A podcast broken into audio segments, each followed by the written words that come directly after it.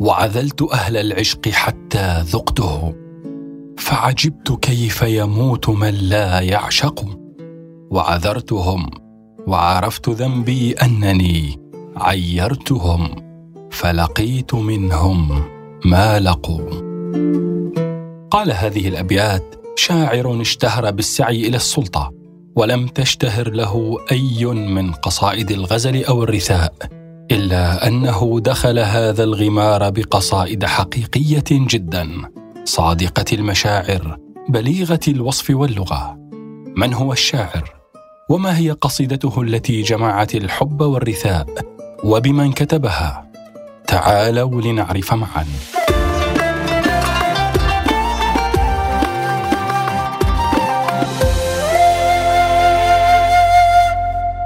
المتنبي هو أحمد بن الحسين الجعفي. ولد في الكوفة عام 303 للهجرة. 915 للميلاد. حياته غزيرة بالأحداث والقصص والقصائد المرتبطة بها. لكننا سنقفز إلى الفترة التي قفل فيها أبو الطيب عائدا من مصر التي توجه إليها بعد مغادرته حلب لخلاف حصل بينه وبين سيف الدولة. فبعد أن رفض كافور أن يولي أبا الطيب ارضا هجاه المتنبي بقصائد كثيرة وهرب بعدها من مصر وكان هروبه مثيرا إذ خرج من مصر متخفيا صبيحة عيد الأضحية والناس منشغلون. وعاد إلى الكوفة عام 351 للهجرة. وخلال هذه الفترة ماتت خولة. أخت سيف الدولة الحمداني. لم تورد المصادر الكثير من الأخبار حول خولة إلا أن الثابت أنها كانت تحب الشعر ولها مجلس أدبي.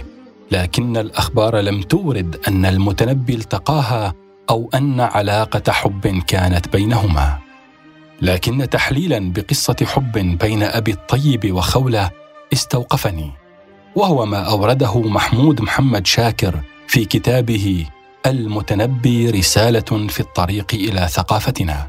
فقد حلل شاكر قصائد المتنبي قبل بلاط سيف الدولة وبعدها لغتها وشاعريتها وما حملت من دلالات على وجود حب خفي في قلب المتنبي أشعل كل هذه الشاعرية والتدفق الرقيق.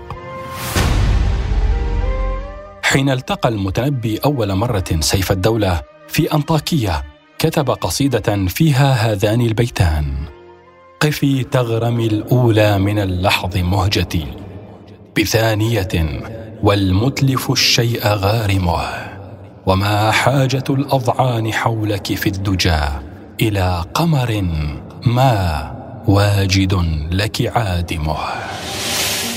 ما يشير إلى وجود امرأة مع سيف الدولة سلبت قلب الشاعر فرق وتلطف. وبعد سبع سنوات من مجيء المتنبي إلى بلاط سيف الدولة ماتت أخته الصغرى.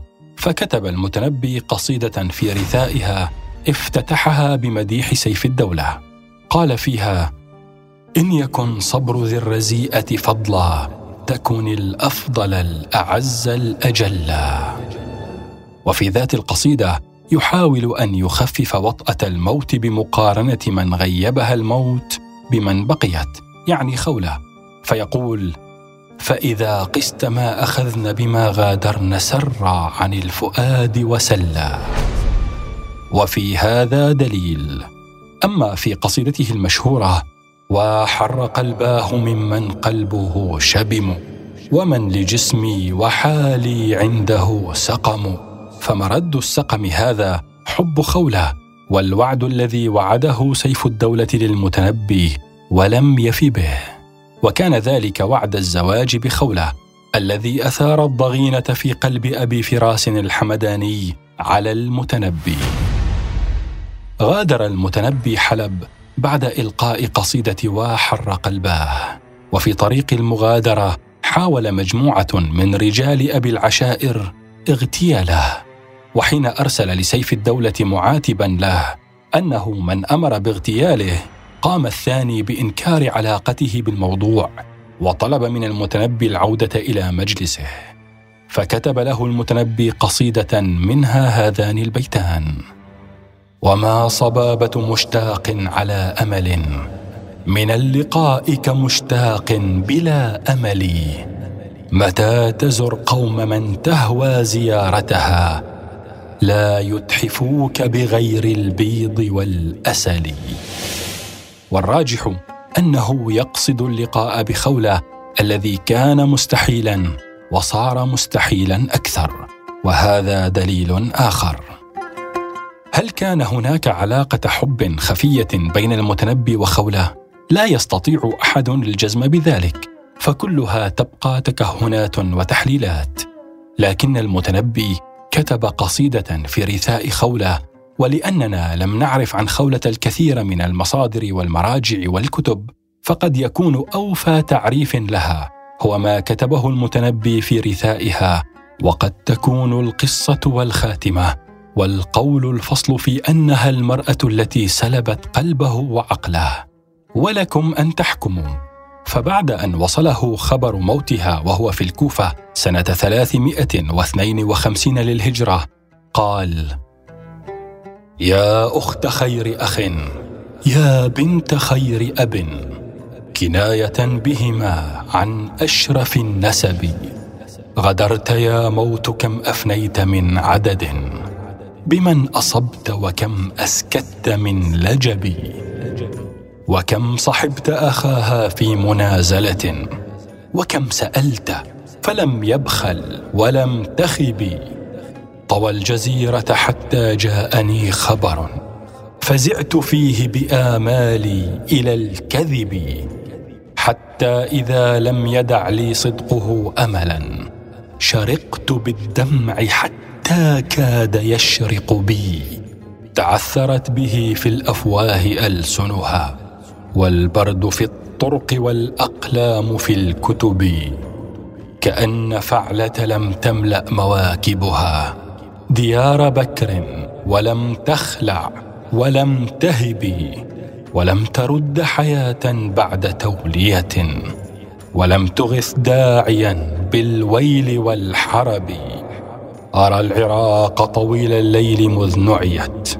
فكيف ليل فتى الفتيان في حلب يظن أن فؤادي غير ملتهب وأن دمع جفوني غير منسكب. بلى وحرمة من كانت مراعية لحرمة المجد والقصاد والأدب. ومن مضت غير موروث خلائقها وإن مضت يدها موروثة النشب. مسرة في قلوب الطيب مفرقها وحسرة في قلوب البيض واليلب. وإن تكن خلقت أنثى لقد خلقت كريمة غير أنثى العقل والحسب. وإن تكن تغلب الغلباء عنصرها فإن في الخمر معنى ليس في العنب. فليت طالعة الشمسين غائبة. وليت غائبة الشمسين لم تغبي وليت عين التي ابى النهار بها فداء عين التي زالت ولم تأبي ولا ذكرت جميلا من صنائعها إلا بكيت ولا ود بلا سبب وكيف يبلغ موتانا التي دفنت؟ وقد يقصر عن أحيائنا الغيب. يا أحسن الصبر زر أولى القلوب بها وقل لصاحبه يا أنفع السحب. وأكرم الناس لا مستثنيا احدا من الكرام سوى آبائك النجب. جزاك ربك بالأحزان مغفرة فحزن كل أخي حزن أخو الغضب. ومن تفكر في الدنيا ومهجته أقامه الفكر بين العجز والتعب.